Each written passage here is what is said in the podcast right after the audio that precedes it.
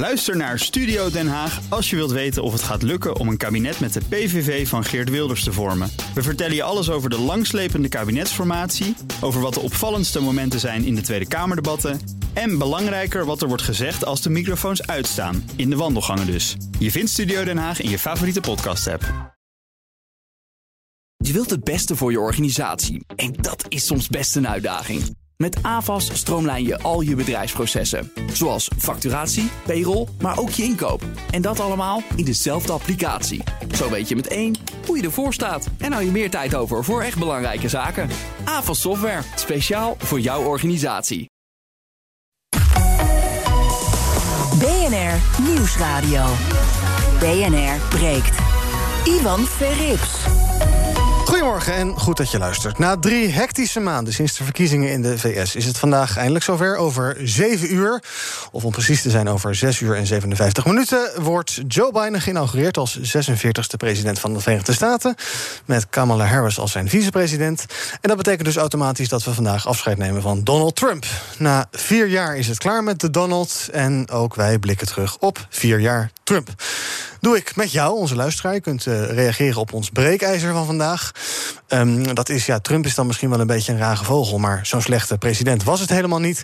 En met mijn panel, um, bij mij in de studio voor de tweede keer... Pim Verlaan, maker van Jong Beleggen, de podcast. En voor het eerst Hielke Onink, voorzitter van het CDA... de jongerenclub van het CDA. Goedemorgen. Goedemorgen. En komend half uur is ook bij mij Marca Valenta. Zij is docent politicologie en Amerikanist aan de Universiteit Utrecht. Goedemorgen, Marca. Goedemorgen. En uh, jij kunt dus reageren op onze uh, breekijzer van vandaag. Trump, het was misschien een rare vogel, maar eigenlijk helemaal niet zo'n slechte president. Bel nu 020 468 4 keer 0 um, Dan kom je zo meteen uh, bij mij live in de uitzending. 020 468 4 keer 0 Ja, Marca, ik begin bij jou.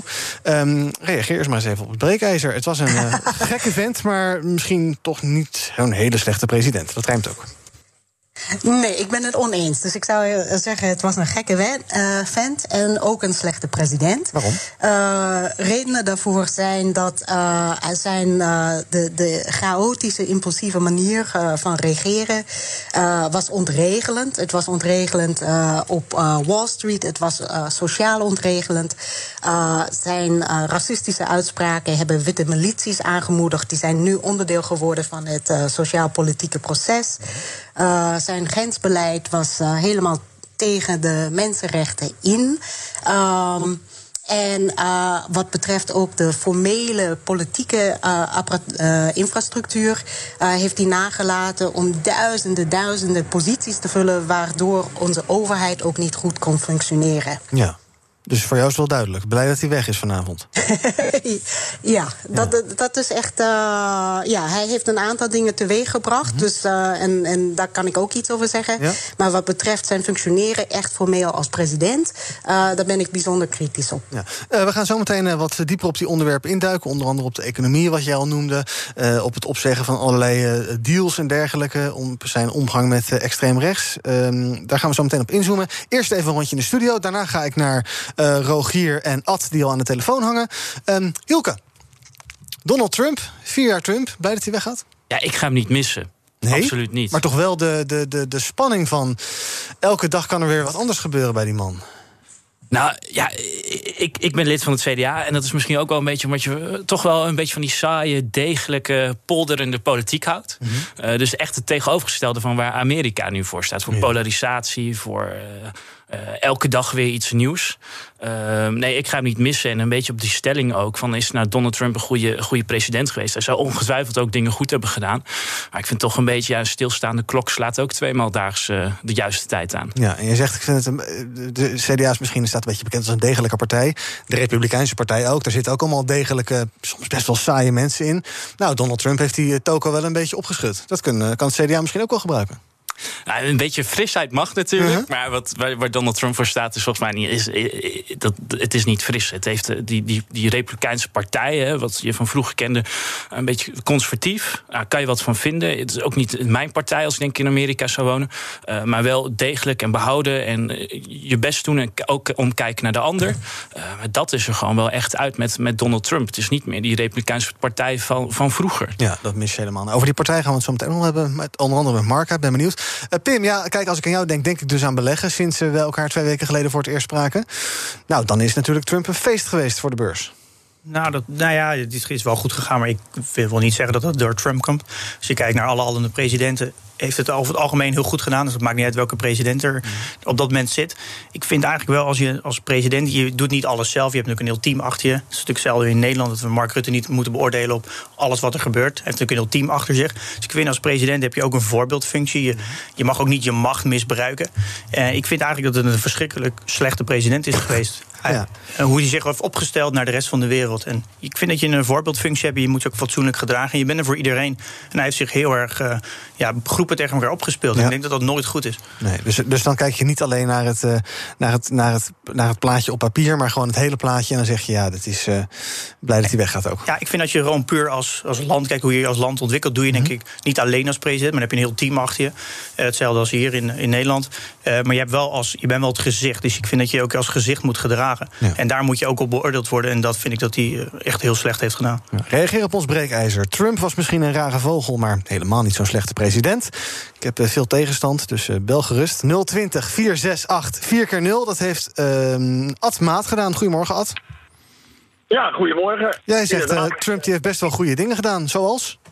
Hij heeft voor Amerika goede dingen gedaan. De, om evenwicht te creëren met China, tuurlijk wordt dat niet helemaal goed ontvangen. Maar uh, als je zo'n overschot in de handelsbalans en zulke verschillen hebt, dan vind ik dat je daar wel wakker op moet zijn. Uh, dat hij ook meldt. Hij heeft het eigenlijk ook meer als een zakelijk, als een zakenman. Daar heeft hij sommige dingen ook wel mee vergeten. Maar als zakenman heeft hij dat geleid. Want dat hele verhaal met de NAVO, dat die mensen erop attendeert, ben je lid van de NAVO, ja. dan moet je je bijdrage verhogen. Je kan altijd wel als Amerika het lievertje uh, willen uithangen om te zeggen, nou wij willen uh, heersen over de wereld. Maar dat moet ook wel te bekostigen zijn. En dat is natuurlijk ook wel een dingetje. Mm -hmm. En wat van Wall Street, ja, die hebben toch uh, een mega stijgingen meegemaakt. Ik denk ook als corona niet was uh, had plaatsgevonden, dat hij herkozen was. Daar ben ik van overtuigd eigenlijk wel. Ja. Wat voor de zakenlui heeft hij het heel goed gedaan. Ja. En natuurlijk. En dat was zijn vorm af en toe, uh, nou af en toe gewoon vaak ruw en bot en, en, en, en ja, uh, rotzooierig is. Dat, dat, dat telt voor jou nog niet zo heel erg mee in je oordeel nee, over vier jaar dat terug. telt wel mee. Dat, het leuk dat je die vraag stelt. Dat telt natuurlijk wel mee. Maar je kan ook wel altijd het lievertje uithangen, zoals we in Nederland doen. Maar dat gaat ten koste toch van het land zelf. En daar heeft hij uh, mensen wat wakkerder voor gemaakt. Van jongens, vergeten we het zelf niet. Want dat doen wij in Nederland namelijk wel. Ja, ja, ja. Dus jij ziet dus inderdaad echt een zakenman en het land moet ook zo geleid worden, denk jij. Uh, Rogier, goedemorgen. Ja, goedemorgen Ivan en gasten. Nou, ik uh, ben jaloers op de Amerikanen. Ik zal je dat uitleggen, Ivan. Uh, na de, alles wat er in dat rapport over de kindertoeslagaffaire is bekend geworden... en het debat gisteravond, de onzin die de eeuwige eunig uh, Rutte staat uit te kramen tijdens zo'n debat... dan denk ik van, mijn god, en we gaan het elfde jaar in met die achterlijke autisten. Ja, maar het gaat nu over... De Amerikanen die kunnen ja. na vier jaar zeggen van, klaar is Kees... Ik vind het, ik ben echt jaloers op ze. Ja. Nou ja, wij kunnen het is ook... Het, is, het is een Trump van de lage landen. Ja, maar goed, wij kunnen ook zeggen dat we met Rutte klaar zijn. Hè? Dat moeten we dan op 17 maart gaan doen. Um, ja, toch even, ik hoor heel veel onderwerpen waar ik, waar ik eigenlijk allemaal over zou willen praten. Dat gaan we allemaal niet redden. Um, Marca, um, uh, laten we het toch maar even hebben over ja, de zakenman Trump. VS moet toch een beetje geleid worden als een bedrijf. ik zie bijvoorbeeld ook uh, uh, opmerkingen over de staatsschuld bij, voorbij komen op WhatsApp. Die, die zijn het ook best wel verhoogd. Dat gaat uh, het volk uh, voelen natuurlijk, Trump niet meer. Hoe kijk jij naar ja, de kwestie van leiden als een zakenman of leiden als een... Als je Joe Biden hoort, dan hoor je een bevlogen man... en iemand die uh, ja, principieel is en dergelijke. Ja, Trump was dat niet. Nee, en kijk, dat, dat idee van uh, Trump als zakenman, dat is iets wat binnen de Verenigde Staten in ieder geval mensen eigenlijk heel erg hebben opgestoken aan de hand van zijn programma, The Apprentice. Mm -hmm. Maar dat uh, beeld wat daardoor, daardoor uh, gecreëerd wordt, dat is eigenlijk heel anders dan de waarheid die daarachter ligt. Dus het is een zakenman die het ene faillissement na het andere heeft gehad in zijn leven, die met het geld van anderen eigenlijk aan de slag ging. En op het moment dat het misging, liet hij ze voor de kosten opdraaien. Dat gebeurt nu eigenlijk ook met de Verenigde Staten. Uh, zijn uh, verlagen van de belastingen zorgt ervoor eigenlijk dat wij een enorme tekort hebben. dat, hoe zeg je, in de begroting. Dat is precies wat net gezegd werd, dat de staatsschuld eigenlijk enorm vergroot is. dus hij laat eigenlijk de, de, de burgers van de Verenigde Staten opdraaien voor de kosten van dat beleid van hem.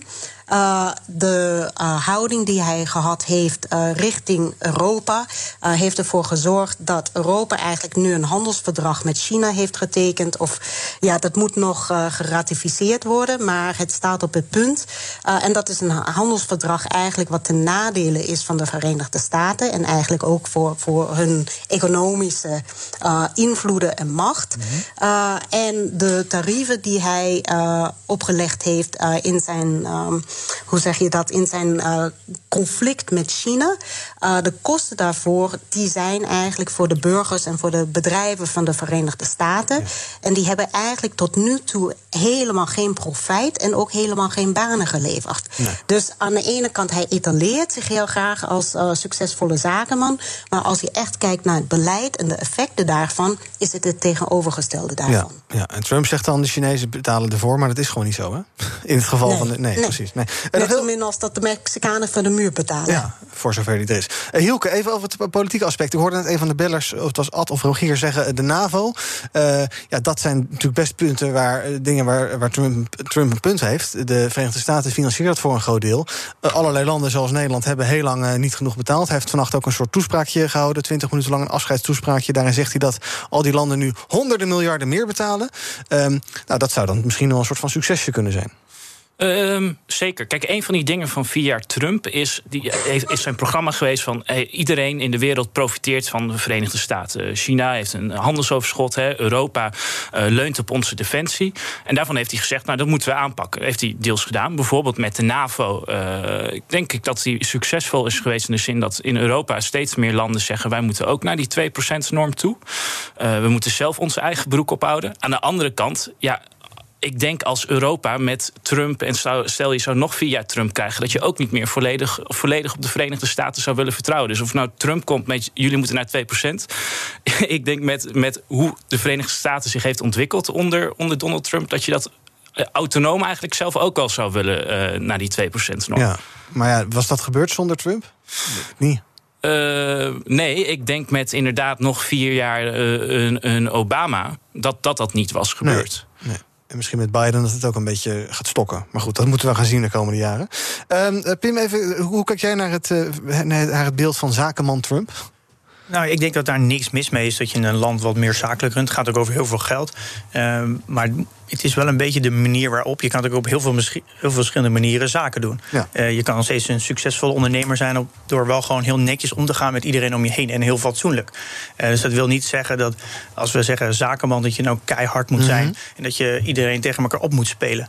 Uh, dus ik, ik vind dat niet verkeerd als je het bedrijf meer runt als een, op een zakelijke manier. Maar de manier waarop vind ik heel erg belangrijk. En hij heeft wel goede punten, wat, wat de beller net ook al zei, over China. En je kan ook, net als de NAVO, je kan heel veel dingen benoemen. Maar je kan, het gaat ook een beetje de manier waarop. En ik denk, je bent toch, blijft toch een voorbeeld. Uh, ja, ik blijf er toch bij dat ik de manier waarop uh, eigenlijk onacceptabel vind voor iemand die zoveel macht heeft en, en zo'n voorbeeld is voor iedereen in de wereld. Ja. En om daarop door te gaan, zijn zaken doen is vooral korte termijn. Hè, op zoek naar die verdragen. Waar, waar, waar stokt het nou? Maar als je kijkt naar de lange termijn, naar de economie, waarom het misgaat in de Verenigde Staten, is omdat hun economie op heel veel plekken toch wel verouderd is. Kijk, dat, dat, dat je een handelsoverschot, een verschil hebt met verschillende landen is waarschijnlijk omdat de producten uit, uit dat andere land gewilder zijn of beter. Dus wil je de langetermijn uh, uh, verbetering, dan mhm. zou je toch echt moeten innoveren. En als je dan kijkt naar hoe de infrastructuur bijvoorbeeld voorstaat in de Verenigde Staten, waar ze echt anderhalf biljoen nodig hebben om dat te verbeteren. Uh, maar ook op heel veel andere vlakken. Ja, daar zit de oplossing voor die Amerikaanse economie economie. En niet zozeer in die, in die handelsverdragen. Dat ging Trump toch ook doen, infrastructuur? Er was een hele infrastructure days dat hij bedacht en zo, maar daar heb ik eigenlijk nooit meer iets van gehoord. Klopt, dat is een belangrijk project van hem. En daarvan zie je nu ook dat uh, is hem niet gelukt. Er was anderhalf biljoen voor nodig, maar is maar 21 miljard voor vrijgemaakt. Ja, dat is niet zoveel. maar uh, daarvan zie je dus ook dat uh, Joe Biden dat ook echt wel een prioriteit van hem is, om dat proberen nu wel te lukken. heeft daar bijvoorbeeld Pete Buttigieg, andere grote kandidaten in die voorelectie bij de Democraten daar nu ook op aangesteld. Ja, als minister geloof ik, hè? Transportation. Uh, rondje bellers nog. Jeff Keizers, goedemorgen. Goedemiddag. Uh, Morgen. Ik vind ook Trump een rare snuiter, uh, maar wel een goede president. In ieder geval wat hij heeft bereikt. En ik kan me voorstellen dat mensen zeggen: um, Amerika is in chaos en kijk eens wat de wappies er allemaal rondlopen. Maar ik denk eerder dat Trump uh, Amerika zijn ugly face heeft laten zien. En dat wat wij nu zien in Amerika, dat was er natuurlijk altijd, al in ieder geval een hele lange tijd. En met dank aan Trump zien we nu hoe het er daadwerkelijk aan toe gaat. En ik vind het eigenlijk best wel uh, belangrijk. Ja, Marka, wat vind jij ervan? Trump heeft inderdaad uh, nou, laten zien wat eigenlijk al langer speelt in, uh, in Amerika. Dat is niet Trumps schuld, maar dat is de schuld van Amerika. Maar Trump laat dat zien. Ja, ik denk dat uh, voor een gedeelte zeg maar, denk ik dat het klopt. Dus hij houdt eigenlijk een spiegel op uh, dat mensen zien wat voor eigenlijk gewelddadig racisme er is. En dat er die, dus die witte milities, die zijn eigenlijk van voordat Trump er was, die zijn eigenlijk heel erg opgekomen toen Obama president was. Uh, dus een aantal van die, die zaken die, die spelen eigenlijk al heel lang en die kan je terugleiden naar de 19e en 18e eeuw. Maar aan de andere kant is het zo dat Trump een aantal aspecten daarvan eigenlijk heeft aangemoedigd en heel erg heeft versterkt. En dat gaat in tegen zeg maar, de richting waar de Verenigde Staten naartoe wilden gaan vanaf de jaren 60. Dat het eigenlijk een samenleving is waar je um, veel meer gelijke rechten hebt voor, um, voor, voor zwart en wit. Wat je ook, waar de rechten ook van homoseksuelen beter beschermd zijn. Dus bijvoorbeeld Donald Trump die heeft um, veel uh, conservatieve rechters aangesteld. Die conservatieve rechters zijn tegen gelijke rechten voor uh, homoseksuelen. Uh, dat is heel erg in de lijn van zijn conservatieve christelijke achterbaan.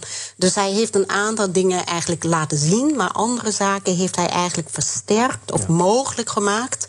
Uh, zoals het geweld wat we in Washington DC hebben gezien, die zonder hem niet mogelijk waren. Ja, en zou je dan zeggen dat, dat onder Trump de VS een aantal jaar bijvoorbeeld terug in de tijd gegooid is of zo? Zie je dat echt zo?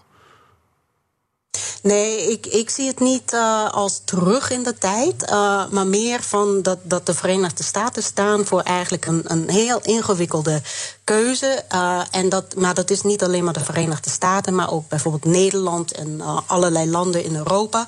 En dat is de vraag van hoe gaan we naar voren? Aan, uh, en hoe zullen we omgaan met onze diversiteit? Uh, dus ja, verschillende vraagstukken. Dus aan de ene kant zeg maar, zullen we een, een divers land zijn wat trots is op zijn diversiteit? Of moet één cultuur en één ras eigenlijk dominant blijven? Dat is één vraagstuk. Tweede vraagstuk is hoe zullen we omgaan met de opkomst van China als een wereldmacht? Zijn we nog niet uit wat we daaraan gaan doen? Uh, en hoe zullen de verhoudingen tussen de Verenigde Staten en Europa zich ontwikkelen? Trump heeft heeft daarin een vertrouwensbreuk gecreëerd. En de vraag is of dat hersteld kan worden. We gaan toch nog even naar hem luisteren, want ja, hij mag natuurlijk niet ontbreken. We passed the largest package of tax cuts and reforms in American history. We slashed more job killing regulations than any administration had ever done before.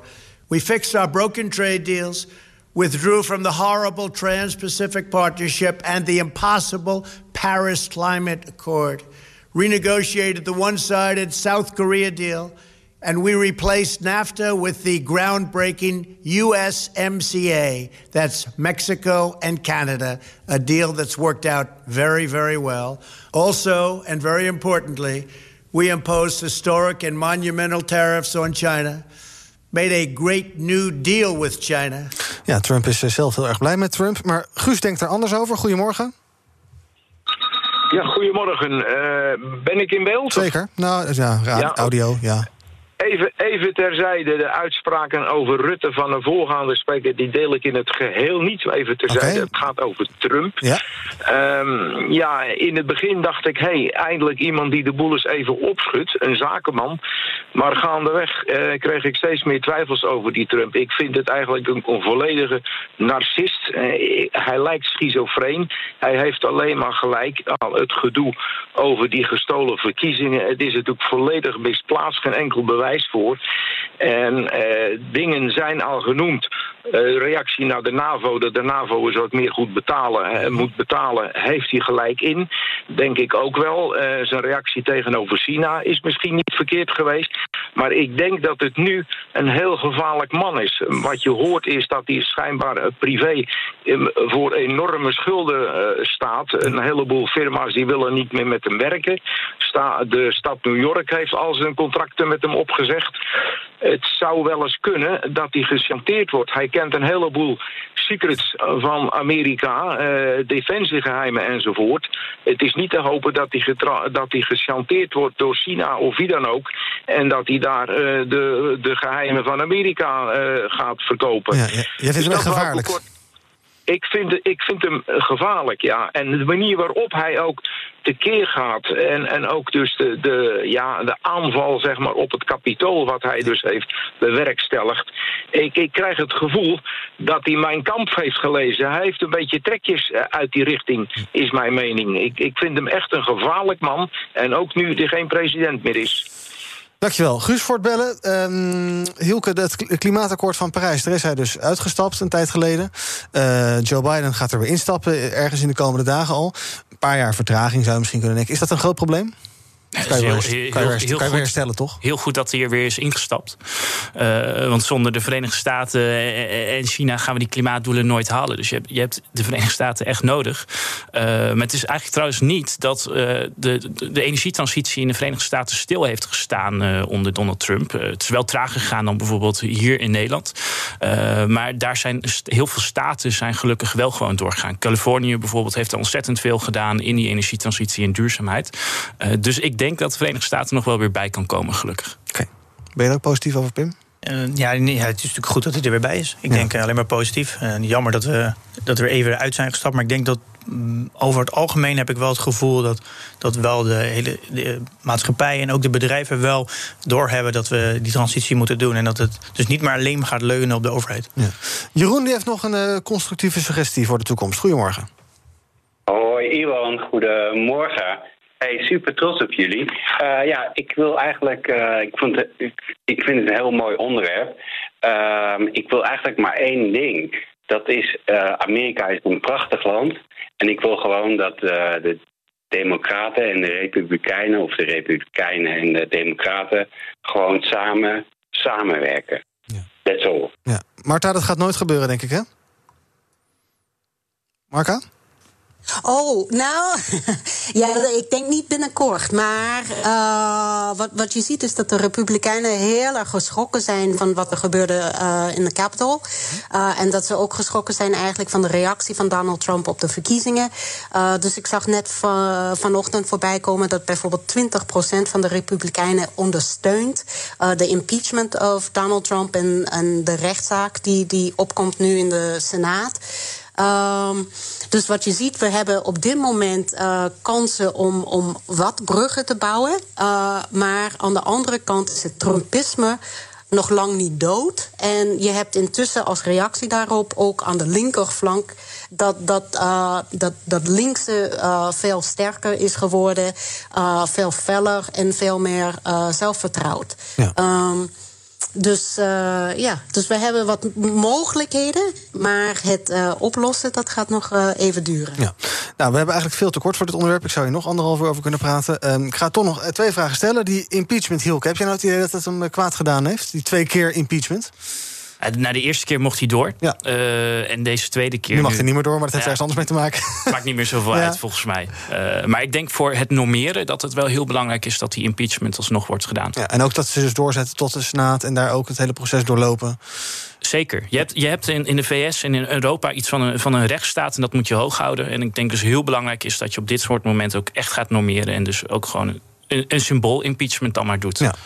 Over 6,5 Ja, uur. mag ik even toevoegen? Ja, hoor. Want het heeft ook consequenties voor zijn politieke loopbaan. Mhm. Dus een van de straffen van dat, eh, eh, ehm, eh, van dat proces in het Senaat zou kunnen zijn dat hij in de toekomst geen enkele politieke ambt mag bekleden. Ja, dan moeten, Dus ze, dat is helemaal niet symboliek. ja, dan moeten ze hem eerst veroordelen en dan alsnog daarover stemmen nog een keer, geloof ik, hè?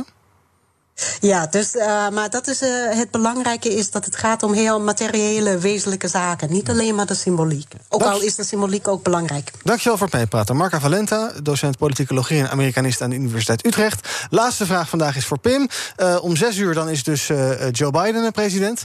Trump is daar niet bij. Slechte verliezer?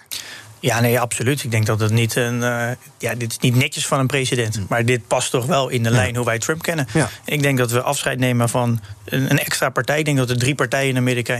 Dus Republikeinen, Democraten en partij Trump. BV Trump. En daar nemen we nu afscheid van. Ik denk dat het hartstikke goed is. Ja, nou, ik ben benieuwd wat hij gaat doen. Of we hebben ik las vanochtend dat hij toch weer denkt over het oprichten van een politieke stroming. En eh, hoe dat allemaal gaat lopen, gaan we allemaal zien de komende jaren. Althans, de komende eh, vier jaar. Eerst Joe Biden. En hoe gaat hij op de achtergrond eh meeregeren misschien wel. We gaan het allemaal zien. Zometeen na de nieuwsupdate van half twaalf... dan praat ik verder met eh, Pim en Hielke over de avondklok. Hij komt er nu echt aan. De wenselijkheid van een vaccinatiepaspoort. Nasleep van de toeslagenaffaire. Dat soort onderwerpen. Tot zo. BNR Nieuwsradio. BNR breekt. Ivan Verrips. Welkom terug. Ik praat met ehm, eh, Pim Verlaan, maker van Jong Beleggen de podcast... en met Hielke Onnik, voorzitter van het CDJA. Zometeen gaan we het hebben over het eh, nieuws van vandaag. Maar eerst doen we altijd een rondje met wat jullie opgevallen is in het nieuws van vandaag. En Pim, had een soort eh, bruggetje van Trump... naar iets wat ook wel heel erg met Trump te maken heeft. Eh, ja, het is de, een documentaire op eh, de VPRO. De Wereld van de Chinezen van Ruben Telau. Ik heb het van het weekend een aantal afleveringen ingehaald. Eh, en het is, ligt ook wel een beetje in lijn waar we het net over hadden met, eh, met China. Eh, wat voor mij heel erg is, is dat mijn beeld van China is heel erg gevormd door de ogen van de westerse wereld. En ook heel erg door de journalisten. en ook heel erg door de Amerikaanse politiek en de Amerikaanse journalisten. En wat ik heel goed vind aan deze documentaire van Ruben Terlouw... hij is dus een Nederlander die Chinees spreekt. Nou, dat vind ik wel sowieso uniek. En hij is best wel een... eh, ja, hij is heel positief over China als, als cultuur en als land. Maar hij geeft eigenlijk een, een beeld hoe, hoe een Chinees nou is... en hoe de, de Chinese hand reikt over de rest van de wereld. Maar hij doet het op een manier, echt op een documentaire manier... waardoor het niet, waardoor hij niet echt oordeelt. En ik vind het heel fijn om, om, eigenlijk om dit te zien om op ja, een eigen beeld te vormen van hoe Chinezen zijn, hoe zit de cultuur in elkaar, hoe denken ze, hoe handelen ze, waarom doen ze dingen. Eh, op, ja, zonder dat ik het altijd meer vanuit de westerse bril krijg. En hij brengt het meer vanuit een ja, misschien neutrale bril. Misschien Ja. iets, soms iets meer vanuit de Chinese bril, maar het is wel met een Nederlands perspectief. Ik vind het een, eh, echt een verrijking eh, eh, voor de Nederlandse tv. Ja, en hij reist naar allerlei landen, behalve China in deze serie. Dus hij is in, in een Afrikaans land en ook in Cambodja, geloof ik. Ja, hij is heel veel, is heel veel Afrikaanse landen. En hij, precies. Ja, in zijn vorige serie ging hij eigenlijk door China heen. Exact. En nu gaat hij eigenlijk naar alle andere landen waar China ook naartoe gaat. En dat is natuurlijk vooral in Afrika. Ja, en dan zien we dus dat eh, China in Afrika eh, hele treininfrastructuren bouwt met, eh, met, met treinen en al de hele bende. Dat ze in Cambodja ongeveer hele steden overnemen en daar ook van alles en nog wat in het Chinees. Dat je bijna denkt, dit is China. Ehm, is dat een zorgelijke ontwikkeling, vind jij? Ja, absoluut. Ik vind dat, ja, zeker. Helemaal als je ook dat, dat stukje kijkt over Cambodja, waar ze de gewoon complete stad overnemen. En eigenlijk de hele stad wordt een soort van Chinees. Ook alle borden. Eh, en ik denk in Afrika zie je heel vaak dat de leningen die worden gegeven, daar waar vaak een onderpand is in de vorm van een haven. En volgens mij hebben we dat in Griekenland ook gehad. Ja, de leningen gaan natuurlijk nooit terugbetaald worden. Dat ja, weet je nu al. Dus er zit natuurlijk wel een soort van, je ziet wel die hand, eh, dat, ja, dat ze langzaam eigenlijk steeds meer belangrijke plekken in de wereld naar zich toe willen eigenen. Ik denk dat dat natuurlijk een hele slechte ontwikkeling is. Eh, je, eh, ik denk dat daar Europa en, en Amerika daar heel erg voor waakt. Eh, maar dat geeft eigenlijk een. Ja, Terecht dus. ja, ik denk dat het heel terecht is, maar het geeft een. Ik- Ja, ik hou er heel erg van om wat meer objectief soort informatie tot me Ja. te nemen. En ook op een bepaalde. Zonder waardeoordelen. Ja, en, eh, ja. ja. maar ook op een vorm dat het heel eh, ja, amusementvol is om te consumeren. Dus je kan lekker op, je, op de bank liggen en er en lekker naar kijken zonder dat het een heel droog stuk is. En het is ook gewoon mooi gemaakt. Hij maakt een hele mooie series. Ja, absoluut. Het is een, hij spreekt ook echt vloeiend eh, Chinees en vloeiend Engels en Nederlands. En dat, dat gaat soort van door elkaar. En elke keer weer als hij Chinees spreekt, dan denk je, hoe kan dat? Ja, en dat zorgt er natuurlijk ook voor dat hij dus goed met die Chinezen kan, kan eh, In de zin van eh, kan communiceren. Dan kijk toch even naar Hielke. Want eh, Pim zegt ja, die opkomst van eh, China in de hele wereld. in Afrika, in Europa, andere landen in Azië, Zuid-Amerika. ehm, dat is toch wel zorgelijk. Wat moeten we daaraan doen? China is eigenlijk gewoon al de machtigste speler ter wereld, denk ik. Ehm en het, het, wat we wel eens vergeten is dat China, die, die is compleet los van de westerse wereld, heeft zich die cultuur ontwikkeld. Dus dat is ook zo mooi aan die serie. Uh, dat, uh, ze hebben daar totaal een ander waarde- en normenpatroon. En dat maakt dat heel erg, heel erg duidelijk. Um, en daarom vinden wij het ook die spanning als, als China bijvoorbeeld de rest van, van, van de wereld daar zijn handen uh, op legt. Uh, ja, of het, hoe groot het probleem vindt, ik vind dat heel lastig om in te schatten eigenlijk. Maar vind je het zorgelijk dat China inderdaad uh, uh, belangen in havens neemt, uh, bedrijven? Nou ja, kijk, wat ze doen met, met, met inbreken en spionage en zo, dat is natuurlijk per definitie niet goed. Maar dit, ja, het is een vrije markt. En als zij dingen willen, willen kopen hier en die zijn te koop en wij verkopen ze, ja, we nemen het eens kwalijk. Nou ja, steeds meer landen worden afhankelijk van China. En China staat qua, qua normen en waarden toch wel voor echt iets anders dan wij in Nederland voor staan. Hoe je omgaat met privacy, uh, om maar een voorbeeld te noemen. En nou, dat, dat, dat is wel het neveneffect dan. Dat, dus, dat hun normen en waarden dominant worden in de wereld. Ja, dus daar moet je onze, uh, onze infrastructuur en onze bedrijven voor beschermen. En zeggen, Chinese overnames, dat doen we niet. Uh, ja, we mogen veel beter letten op China en uh, hoe we daarmee omgaan. Uh, bijvoorbeeld op universiteiten zie je gewoon dat, dat China bijvoorbeeld nou, mensen naar Europa stuurt, naar de ja. universiteiten. worden, worden hier slim, doen bijzondere innovaties doen ze op. En vervolgens zie je ze bij de Chinese defensie een half jaar later aan het werk. Dat zijn werkelijk voorbeelden die er zijn. Ja. En die zijn, ja, die zijn zorgelijk, ja. zeker. dan ga je dus eigenlijk niet echt van je eigen kracht uit. Want je kan ook zeggen, wij moeten zelf gewoon veel meer innoveren en zelf veel meer aan de bak. En misschien misschien ietsjes meer Chinezer worden in onze mentaliteit. In plaats van dat we ze alleen maar tegenhouden. Ja, dat is de, de, de leercurve van China, hoe zij zich hebben ontwikkeld. En je kijkt net zo lang af totdat je het even goed kan.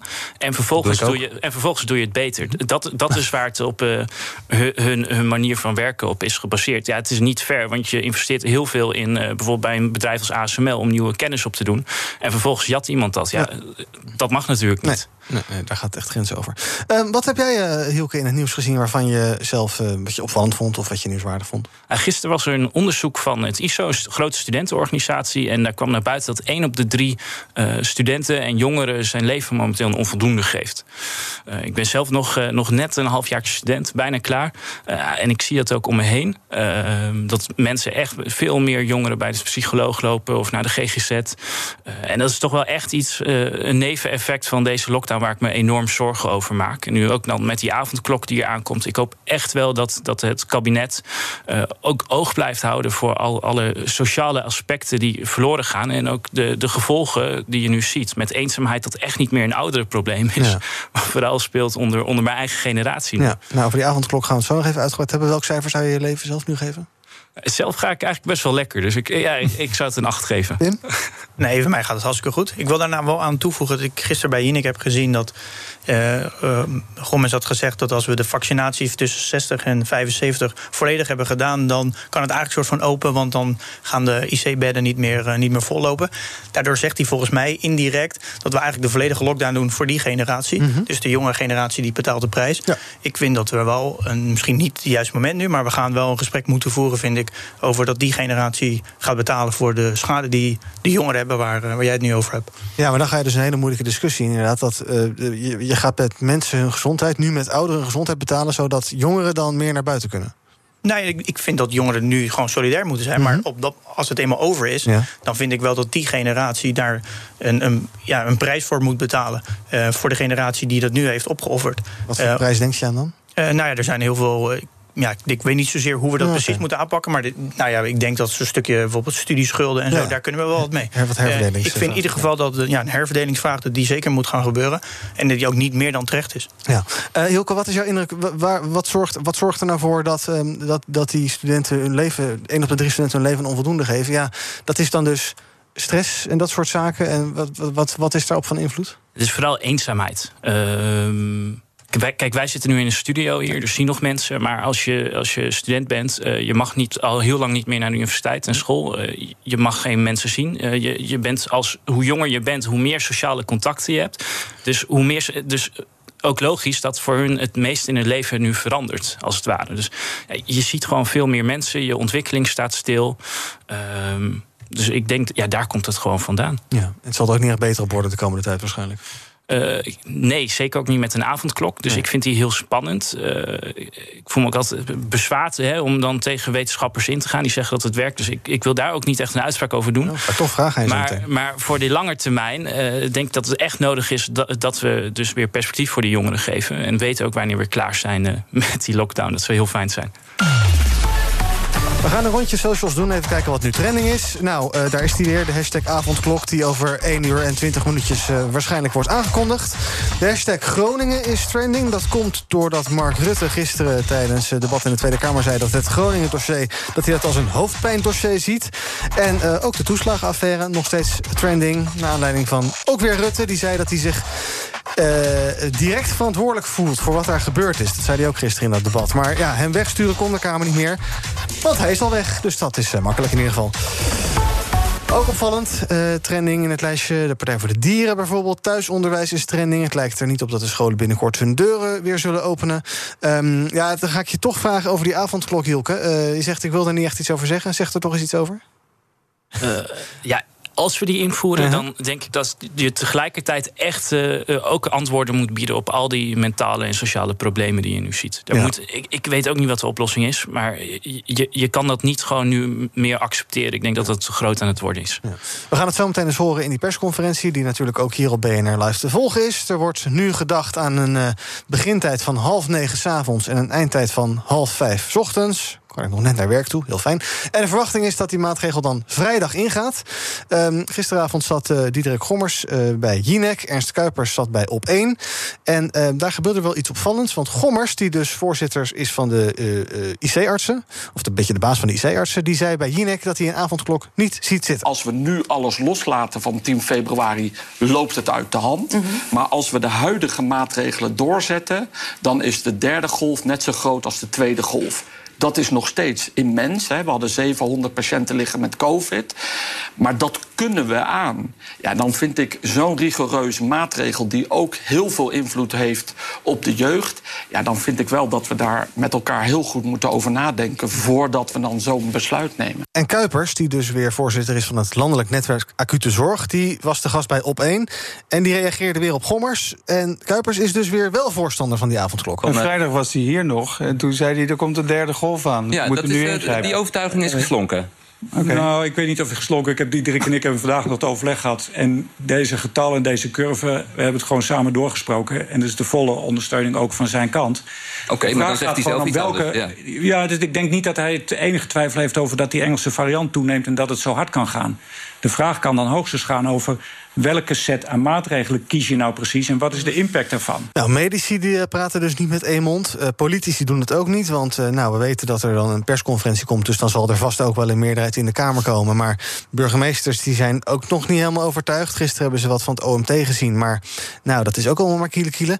Pim, ik krijg een beetje het idee dat die avondklok misschien wel de meest omstreden maatregel tot nu toe gaat worden en ook de meest gediscussieerde. Ja, dat, maar dat is ook denk ik wel vrij logisch, want je, we zitten in een soort van crisis en niemand weet precies waar het naartoe gaat. Maar is dit de zwaarste maatregel tot nu toe, denk je? Nou, nee, dat denk ik niet. Um, ja. Nou ja, in ieder geval, ik denk dat het voor heel veel mensen al niet s'avonds beweegt. Ik denk dat de meeste mensen ook s'avonds thuis zijn. Dus ja. ik vraag me af voor hoeveel mensen het echt effect gaat hebben. Ik denk dat er een aantal groepen er heel veel last van gaan hebben. Zoals? Maar die zullen misschien vrijgesteld worden. Ik denk vooral de mensen die moeten werken.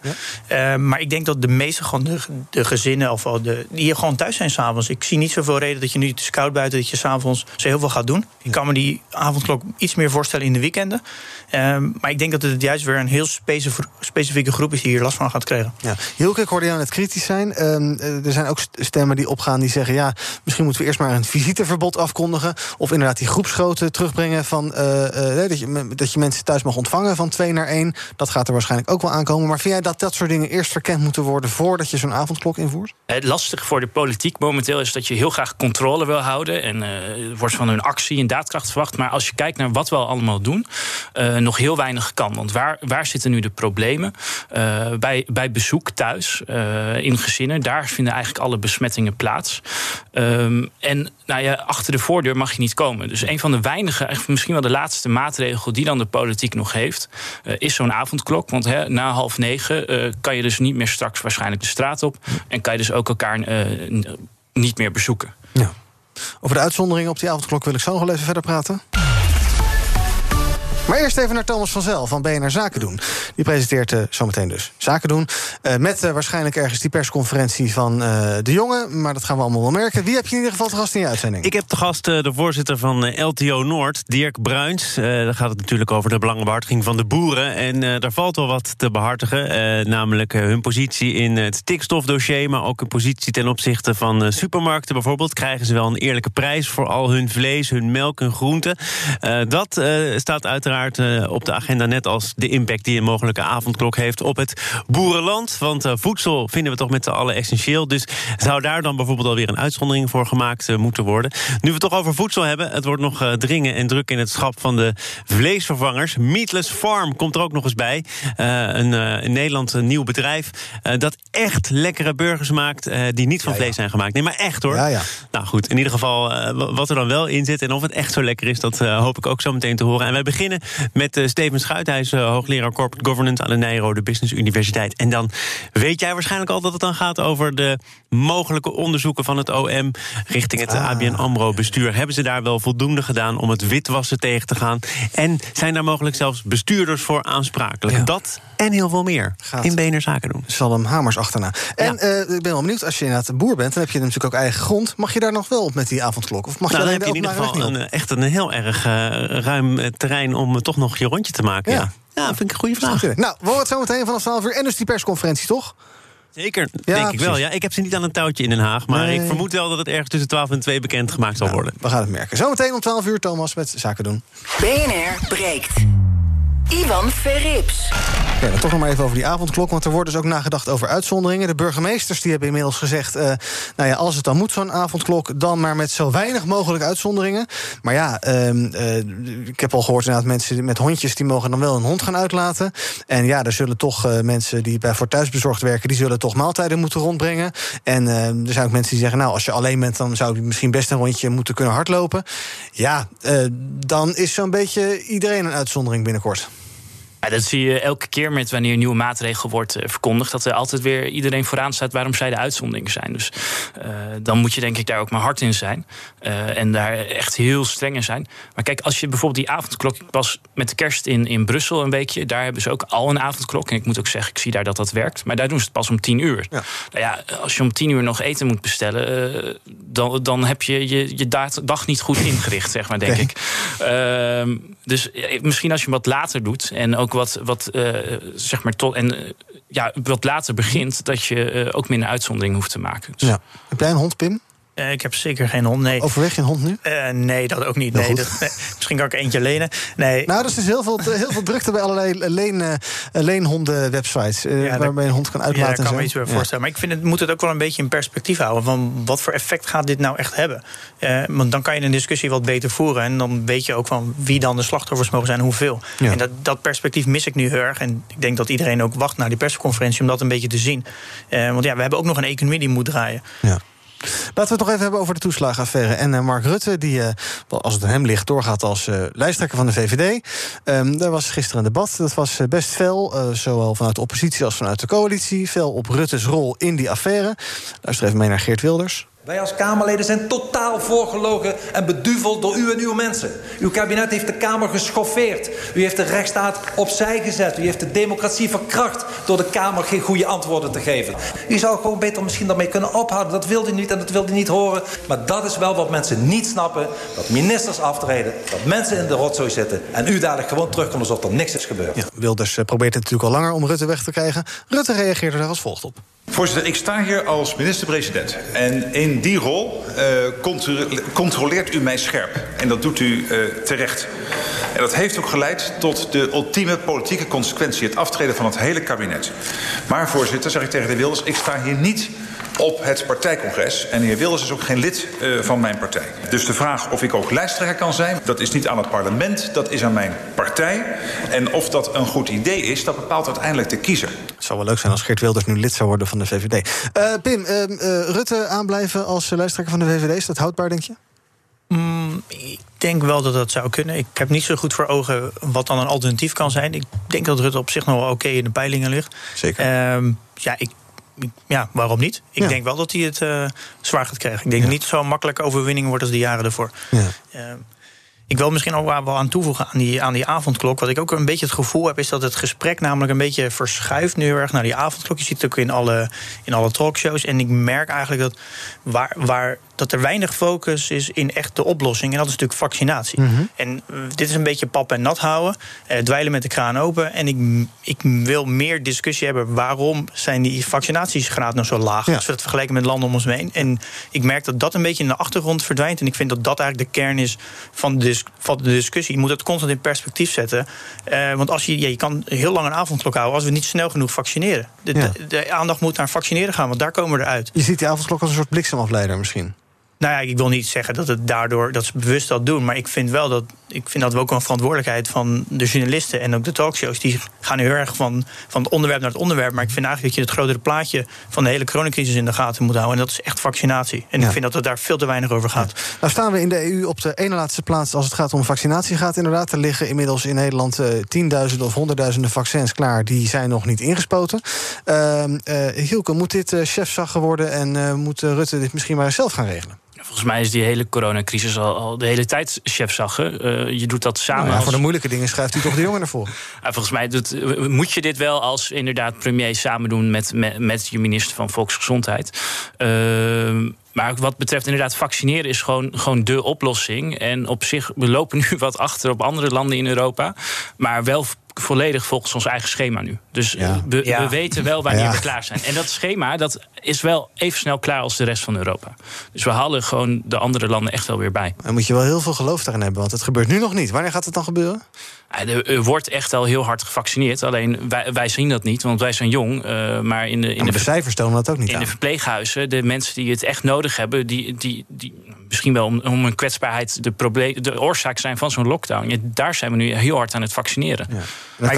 Je verliest denk ik wel een beetje het perspectief van de, van de bevolking... als je niet goed uitlegt waarom we zo weinig vaccineren. Als je vergelijkt met Engeland, 5 miljoen, met Israël... waar we over de 4 miljoen heen zitten... waar er 188.000 mensen per dag gevaccineerd worden. In Nederland maar 500. Je verliest een beetje de, ja, de respect ook van het volk. En als je praat over een avondklok... als je niet goed kan uitleggen waarom de vaccinatiegraad in Nederland zo laag is. Ja, je zou meer urgentie willen zien dus. Hè? Gewoon 24-7 gaan prikken, dat soort zaken. Je speelt echt met vuur. Als je zulke soort belemmeringen gaat opleggen op het volk... en je kan niet goed uitleggen waarom alles zo traag gaat... vergeleken met de wereld om ons heen. Wij zijn Nederland, wij zijn ja. toch zo goed in dingen organiseren. Ik, je speelt echt met vuur. Ik, denk, ik vind het echt een verkeerde aanpak op dat manier. Hoe, hoe uh, nu het gecommuniceerd wordt. Oh, ja, uh, eens. Het, het, het kan nog beter. veel beter uitgelegd worden. Zeker bijvoorbeeld. Ja, uitgelegd de, of moet het beter? Uh, het, je wil altijd beter. Dus dat is volgens mij wordt er nu ook trouwens gekeken van hoe kunnen we het vaccineren nog verder versnellen. Uh, maar ook uitleggen waarom het in andere landen anders gaat. Bijvoorbeeld Engeland is eerder begonnen omdat hun gezondheidsautoriteiten eerder het vaccin goedkeurden. Uh, Israël heeft gewoon al veel meer vaccins omdat ze er ook veel meer voor hebben betaald. Uh, en in één keer gelijk veel meer hebben opgekocht. Uh, dus daar zitten bijvoorbeeld ook verschillen. Maar die moet je dus wel, wel, wel uitleggen. En ook kunnen uitleggen waarom onze strategie dan toch een goede strategie is. En als je dat niet blijft doen, inderdaad, ja, dan, dan brokkelt natuurlijk wel draagvlak af. Ja, ik zou bijna zeggen dat moeten de jongen dan maar in de Kamer doen. Maar daar kunnen ze ook niet meer wegsturen. Dus misschien heeft dat ook niet zoveel zin. Eén vraag nog, hoe zien jullie het zitten dat mensen die uh, een vaccin hebben, dat die misschien wat meer mogen in de toekomst dan mensen die geen vaccin hebben? Zijn we voorstander van zo'n soort twee-sporen-maatschappij waarbij gevaccineerden wel lekker op vakantie naar de kroeg en naar de IKEA mogen en mensen die niet gevaccineerd zijn thuis zitten? Nou, ik vind dat geen oplossing. Ik vind gewoon sneller vaccineren. Ja, ik vind dat je moet zo snel gaan vaccineren dat die periode dat tussen niemand en iedereen zo kort mogelijk is, je hier niet eens over hoeft te praten. Hilke? Ja, hy hypothetische vraag. Want de bereidwilligheid nou. van vaccineren is in Nederland heel hoog.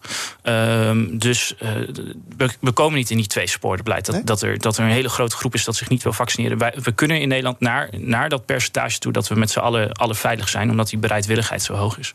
Wanneer hoop je dat bereikt te hebben? Ja, er, er, er, er zijn schema's voor. Hè? Ja. Uh, we nou, zijn, nou als het goed is, september, oktober helemaal klaar met vaccineren. Dus dan zijn wij ook geweest. Maar je kan al eerder waarschijnlijk dingen weer opengooien. Omdat het risico dat wij corona krijgen natuurlijk iets uh, minder erg is dan wanneer hele kwetsbare oude mensen corona krijgen. Ja. Dank. Uh, Elton John valt over de rand. Daar gaan we het een andere keer over hebben.